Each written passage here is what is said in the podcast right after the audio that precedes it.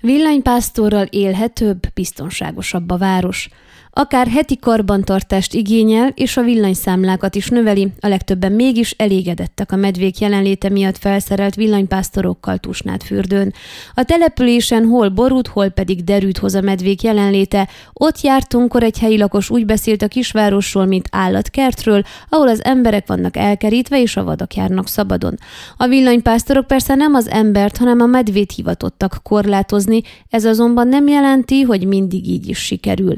Bár felszereltettük, soha nem kapcsoljuk be a villanypásztort, mert a gettót juttatja eszembe, nyilatkozta egy tusnát fürdői lakos, aki már kérdésünk hallatán is gorombává vált. Más valaki azért háborodott fel, mert nem lát érdemi megoldást a politikum részéről. Igaz, hogy a medvék kilövését és elszállítását szabályozó tavalyi rendeletről ez idáig nem hallott, annak részleteiről tőlünk értesült. A legtöbben mégis elégedettek a medvék jelenléte miatt felszerelt villanypásztorokkal. Mi két éve szereltettünk vettünk fel egy szál villanypásztort, este héttől reggel hétig pedig be is kapcsoljuk. Azelőtt rendszeresen átjárt a medve az udvaron, de most már tényleg minden rendben van. Nem befolyásolja a hétköznapjainkat az eszköz, csak akkor rázott meg, ha nem figyeltem oda, ez azonban a legkisebb baj, mondta el kérdésünkre egy fiatal férfi. Mint korábban írtuk, valóban elegendő lehet akár egyetlen szál villanypásztor felszerelése is, mert a medvék hamar tanulnak. Ezt a Tusnát fürdői önkormányzat medvés munkacsoportjának egyik szakértője nyilatkozta lapunknak. Akinek villanypásztora van, elégedett velem. Persze menet közben rájöttek az emberek, hogy munkával jár a működtetése. Nincsen negatív visszajelzés, és a tavalyi 74 alkalomhoz képest idén csak ötször próbálkozott a nagyvad bejutni, vagy jutott is be lakóházakba.